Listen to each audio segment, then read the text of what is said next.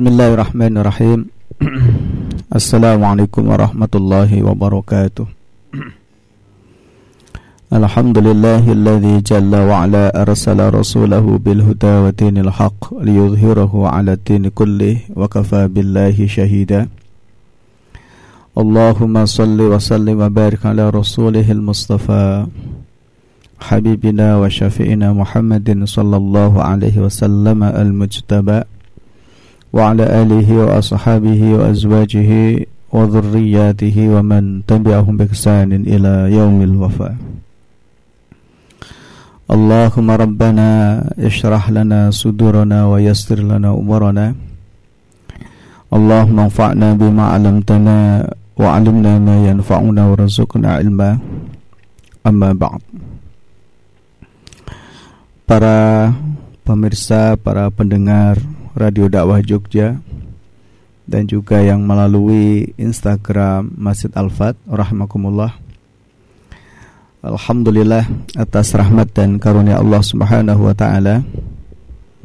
Pada kesempatan kali ini kita kembali diperjumpakan oleh Allah Subhanahu wa taala dan mudah-mudahan semua yang hadir senantiasa mendapatkan limpahan rahmat dan karunia Allah Subhanahu wa taala. Amin. Allahumma amin. Baik uh, para pemirsa, para pendengar rahimakumullah. Malam ini malam ke-12 ya di bulan Ramadan yang pembacaan kitab Sifat Ibadur Rahman, sifat-sifat hamba Allah yang Maha Rahman yang disusun oleh beliau Asy-Syaikh Abdul Razak Abdul Muhsin Al-Badr sampai di penghujung pembahasan yaitu beliau mengatakan Al-Khatimah ya di penutup. Penutup dari buku beliau Sifatu Ibadur Rahman. Jadi sifat-sifat hamba Allah yang Maha Rahman.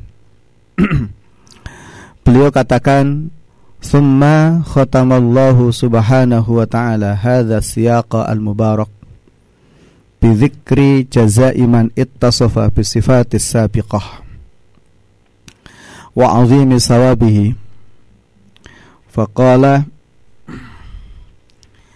Ulaika yujzauna al-ghurfata bima sabaru wa yulaqqawna fiha tahiyatan wa salama khalidina fiha hasunat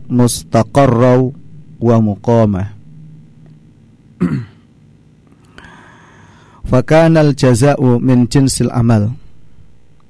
Falamma kanat awsafuhum rafi'an raf rafi'atan aliyatan. Maka kafa'ahum rabbul alamin. Bil ghurfatil aliyah jazaan lahum.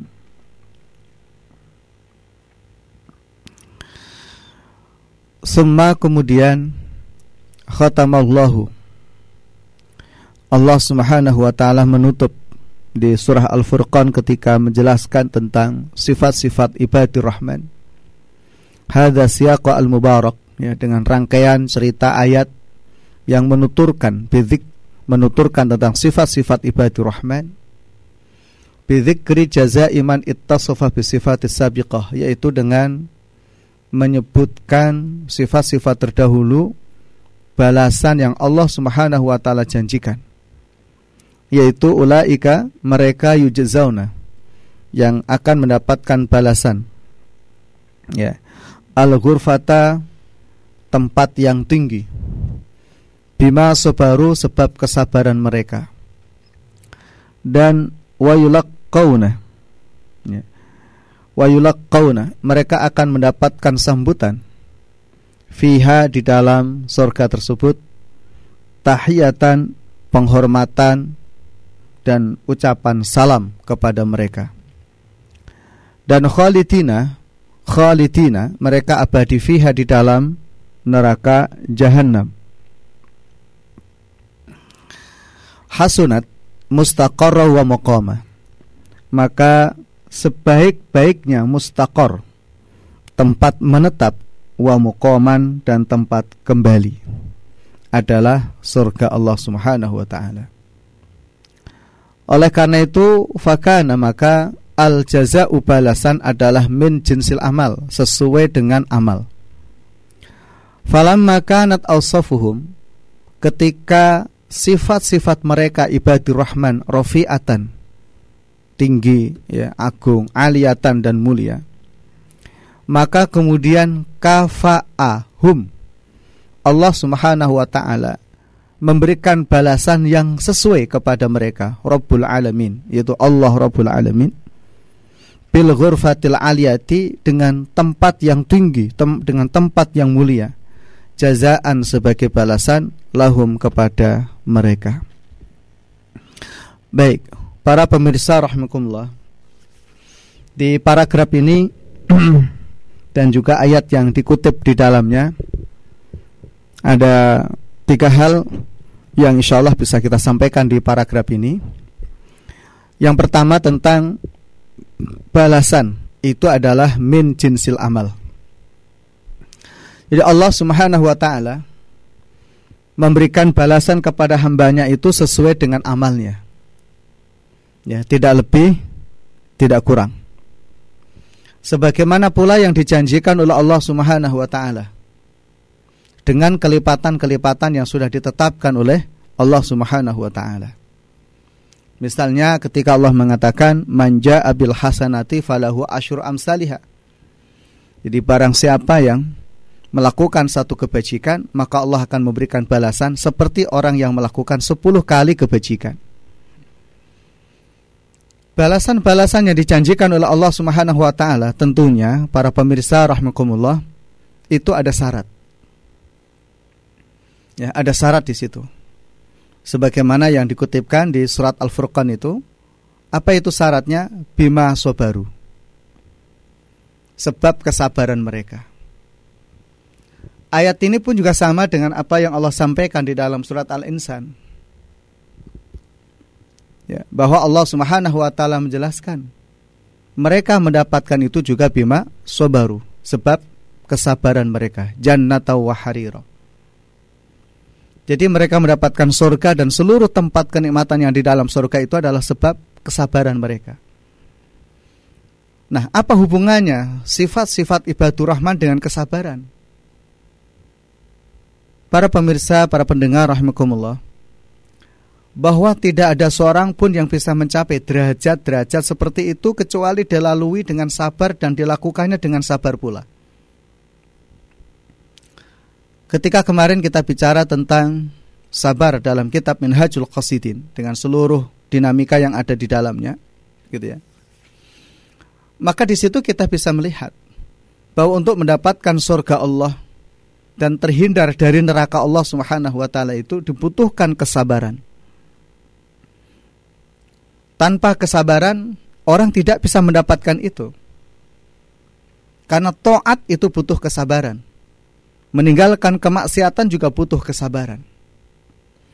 Kita di dalam situasi seperti ini, supaya kemudian tetap istiqomah pun juga membutuhkan kesabaran. Ya. Dalam situasi seperti ini kita juga membutuhkan kesabaran. Ya. Maka wajazahum bima sabaru jannata wa harira. Allah Subhanahu wa taala memberikan balasan kepada mereka dengan surga itu adalah disebabkan karena kesabaran mereka. Wa jazahum bima sabaru jannata wa harira. Ini sebab kesabaran mereka. Sabar dalam mentaati Allah dan juga sabar dalam meninggalkan kemaksiatan. Apa maksudnya sabar dalam mentaati Allah Subhanahu wa taala? Sekalipun terasa berat di dalam nafsunya, dia tetap berusaha untuk menepati, berusaha untuk semaksimal mungkin dalam menjalankan ketaatan itu kepada Allah Walaupun dalam kondisi situasi hati itu tidak suka dengan situasi yang terjadi. Maunya kita situasi seperti ini sholat taraweh di masjid, ya, ya mungkin di daerah tertentu jelas nggak boleh, ya. Tapi mungkin di daerah tertentu masih boleh, masih bebas. Nah, mereka yang kudan mungkin berada di zona merah tidak diperkenankan untuk melakukan interaksi yang lebih banyak. Ya tidak diperkenankan untuk melakukan interaksi yang lebih banyak gitu. Maka tentu itu membutuhkan kesabaran. Terawih di tempat masing-masing, sholat lima waktu di tempat masing-masing ya. Mungkin tadarus juga begitu di tempat masing-masing. Yang mungkin biasanya ketika di situasi normal kita akan mendengarkan bagaimana syiar di bulan Ramadan ini. Ya, syiar di bulan Ramadan itu begitu gegap gembita di masjid-masjid, di musola-musola, di surau-surau, di rumah, ya di berbagai tempat, di kantor, gitu ya. Nampak sekali syiar-syiar Ramadan itu. Tapi mungkin itu tidak bisa kita temukan di masa seperti ini gitu. Tapi sungguh itu tidak mengapa. Ketika seseorang tetap menjaga keistiqomahannya di dalam beribadah kepada Allah. Sekalipun dalam kondisi hati yang berat dan tetap dijaga. Nah itulah kesabaran. Gitu. Maka tidak ada seorang pun yang bisa melampaui itu semuanya. Kecuali mereka yang sabar.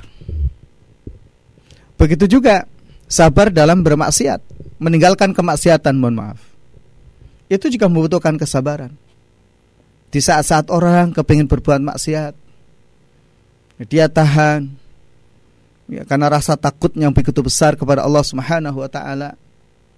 Ya dia tahan walaupun kadang-kala namanya orang kepleset juga ya terpeleset juga ke dalam kemaksiatan. Dia kembali lagi ke jalan Allah dengan taubat dan istighfar. Mungkin di satu hari lagi nanti kepleset lagi gitu. Kembali lagi taubat dan beristighfar kepada Allah. Jadi memang begitulah manusia gitu. Kadangkala istiqomah pun juga demikian. Masih diiringi dengan futur.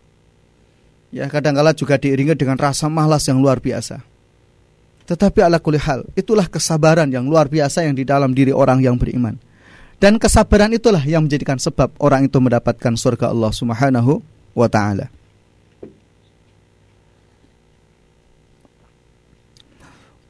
Nah oleh karena itu Para pemirsa, para pendengar rahmatullah Memang betul kata para ulama Ibadah yang paling berat adalah ibadah melawan hawa nafsu ya. Ibadah yang paling berat adalah ibadah yang dilakukan oleh hati Kalau hanya sekadar membaca Al-Quran Insya Allah banyak yang bisa melakukannya Sekadar sholat banyak yang sudah melakukannya sekadar sedekah banyak pula yang melakukannya. Tetapi sedikit orang yang beribadah kepada Allah Subhanahu wa taala itu tetap tegar di atas ilmu, tetap tegar di atas istiqamah, tetap tegar di atas kesobaran-kesobarannya. Karena yang diinginkan adalah dengan sebab kesabaran itu Allah menghapus dosa-dosanya, Allah meninggikan derajatnya gitu dan begitu seterusnya.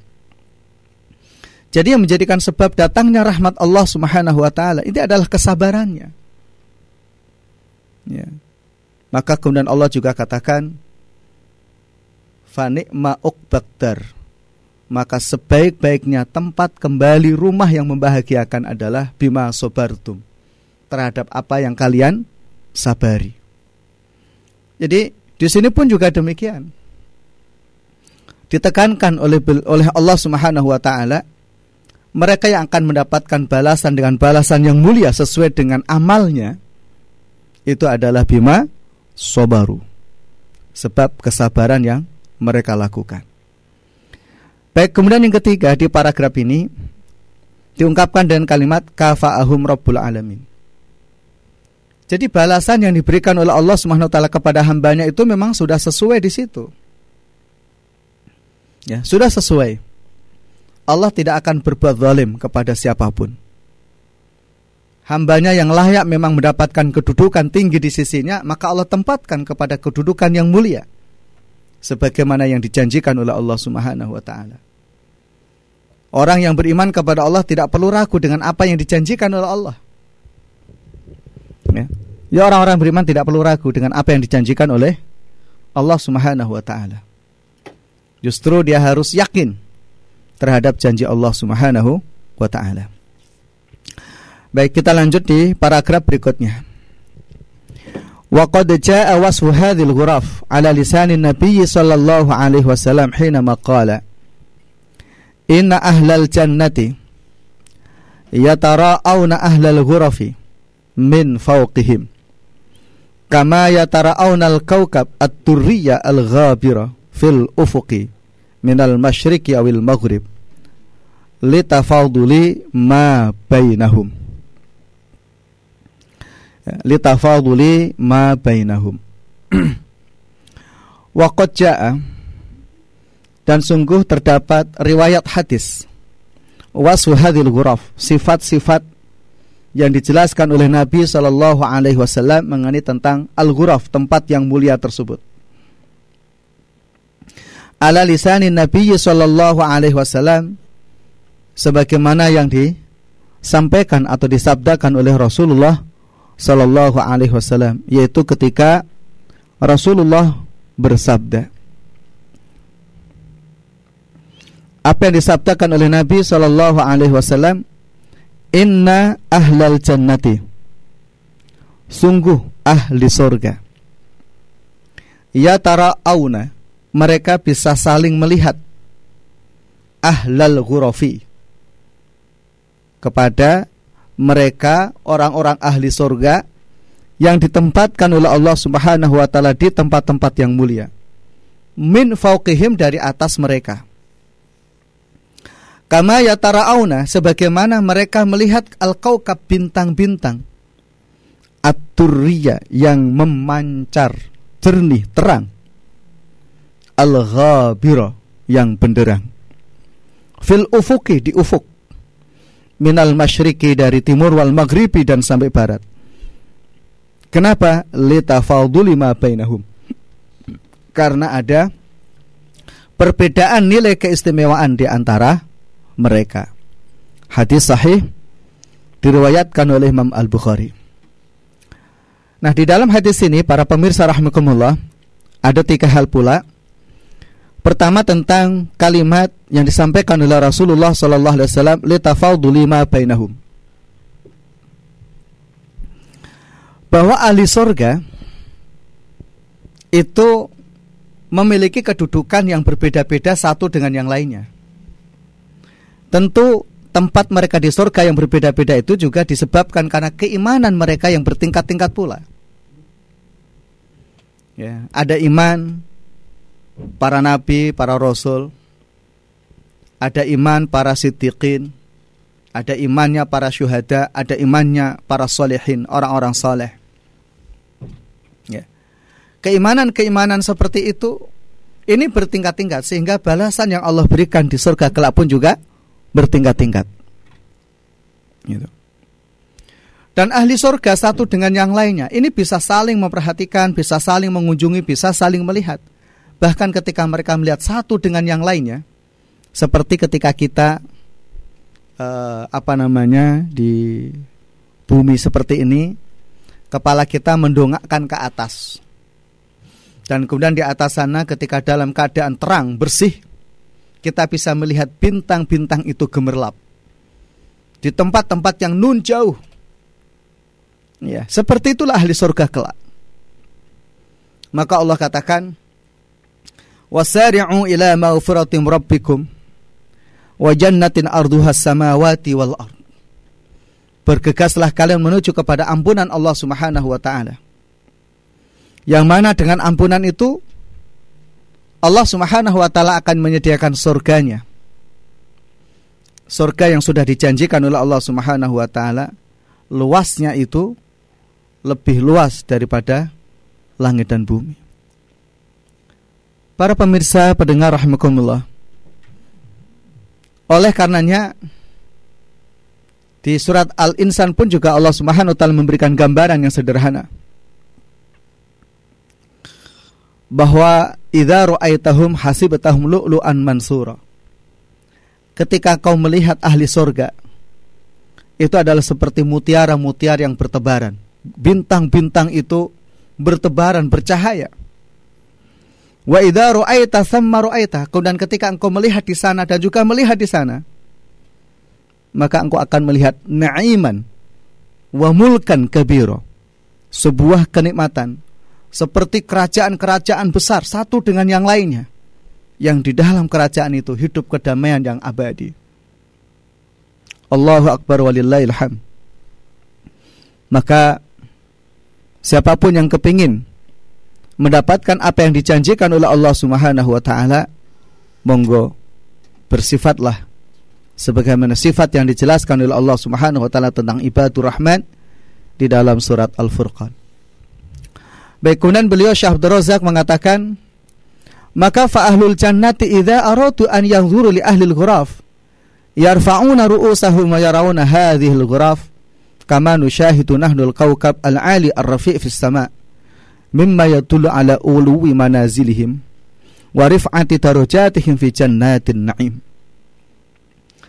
maka fa ahlul jannati ahli surga idza aradu ayang zuru li ahli ghuraf. Ketika mereka hendak melihat ya, li ahli ghuraf. Ahli surga yang sudah ditempatkan oleh Allah di tempatnya masing-masing yang tinggi itu, maka cukup mereka yarfauna rusahum, mendongakkan kepalanya ke atas. Dan kemudian mereka wayarona hadil ghuraf, mereka juga melihat ya tempat-tempat yang mulia itu dengan terang benderang kama nusyahidu nahnul kaukab sebagaimana kita sekarang ini melihat bintang-bintang al-ali yang tinggi ar-rafi fis sama di langit sana kenapa? Mimma yadullu ala luwi manazilihim. Itu menjelaskan tentang betapa tinggi derajat kemuliaan mereka di sisi Allah. Wa rifa'ati darajatihim. Ya fi jannatin naim. Dan juga kemuliaan derajat mereka di surga Allah Subhanahu wa taala. Allah katakan fi jannatin aliyah. Jadi surga yang tinggi. Apa yang dimaksudkan aliyah? Tinggi? Dalam hadis yang diriwayatkan oleh Imam Ahmad, Rasulullah sallallahu alaihi wasallam katakan bahwa surga ini memiliki 100 tingkat.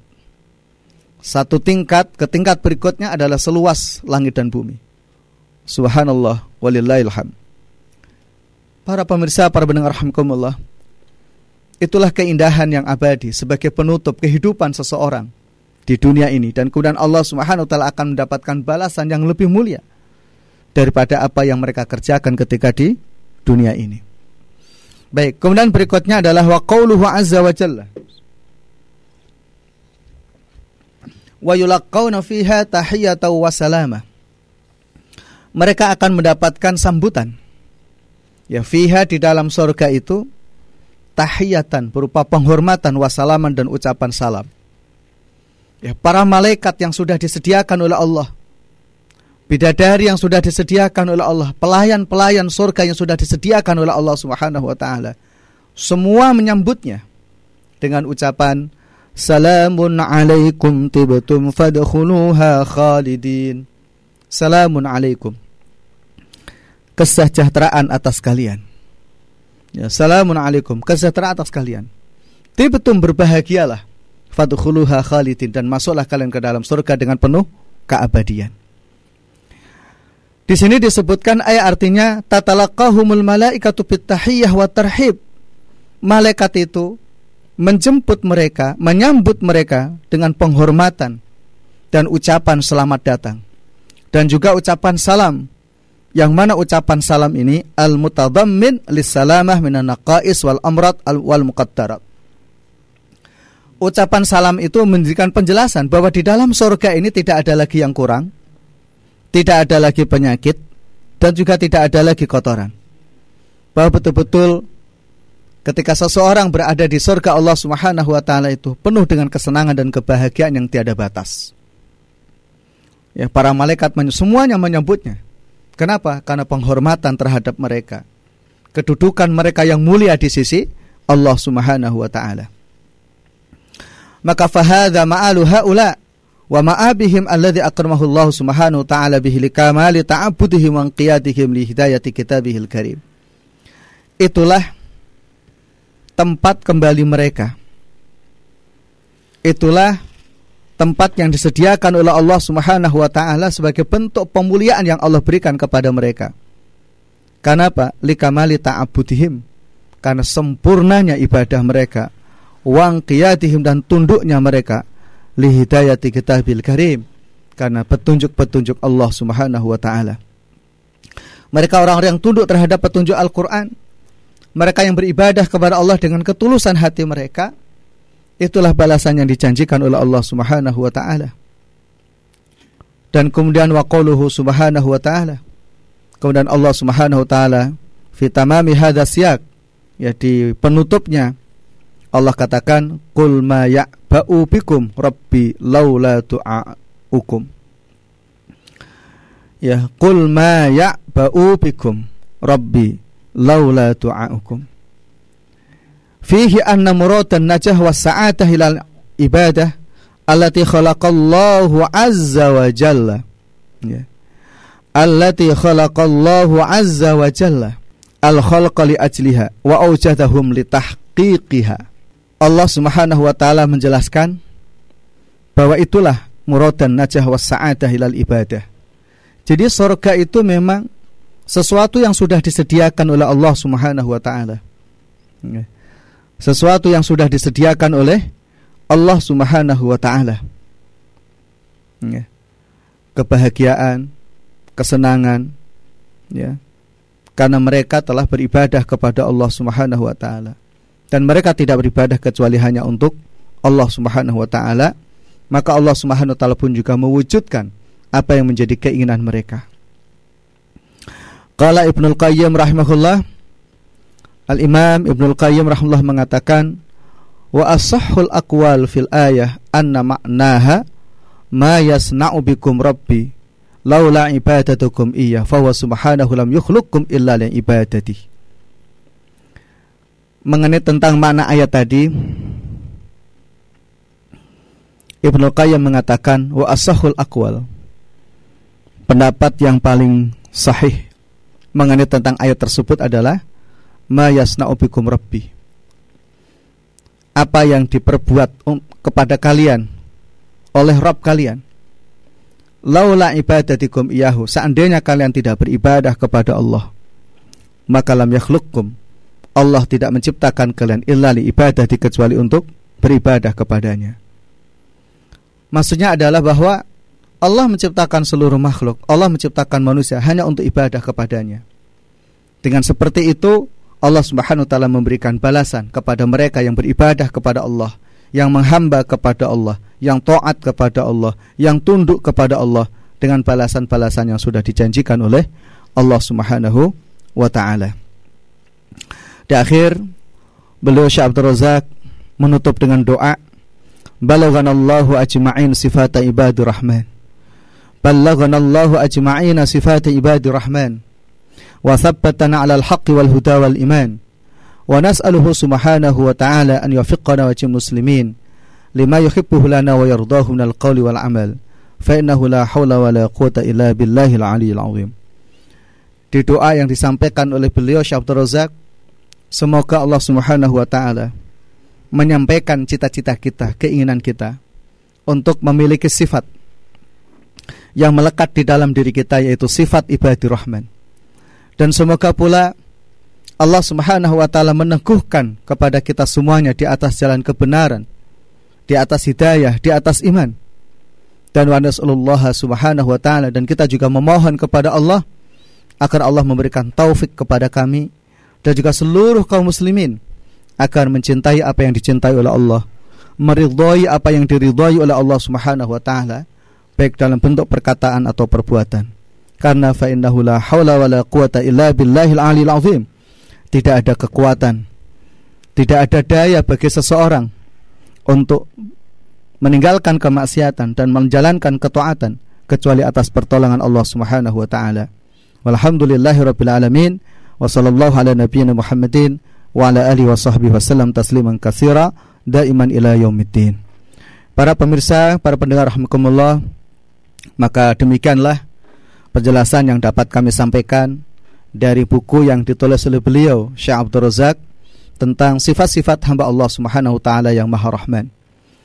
Jika apa yang kami sampaikan ada benarnya, semata-mata itu adalah karunia Allah Subhanahu wa taala. Jika salah tentu itu adalah dari kebodohan saya dan juga dari tipu daya syaitan. Dan kembalilah kepada jalan kebenaran yaitu jalan yang sudah dilalui oleh para nabi, para siddiqin, para syuhada, para solihin jalan yang kemudian di atas Al-Quran dan sunnah Nabi Shallallahu Alaihi Wasallam dan kurang lebihnya kami semua kru yang ada di sini menghaturkan terima kasih jazakumullah khair kepada seluruh para pendengar, para pemirsa dan juga mohon maaf sekiranya apa yang kami haturkan kepada Bapak Ibu, para para pemirsa pendengar kurang berkenan. Insya Allah esok malam kita tetap akan mengkaji lagi yaitu surat Al-Mu'minun ayat 1 sampai ayat yang ke-11. Mudah-mudahan Allah memudahkan semua urusan kita. Demikian, subhanakallah hamdika asyhadu an la ilaha illa anta astaghfiruka wa atubu ilaik. Assalamualaikum warahmatullahi wabarakatuh.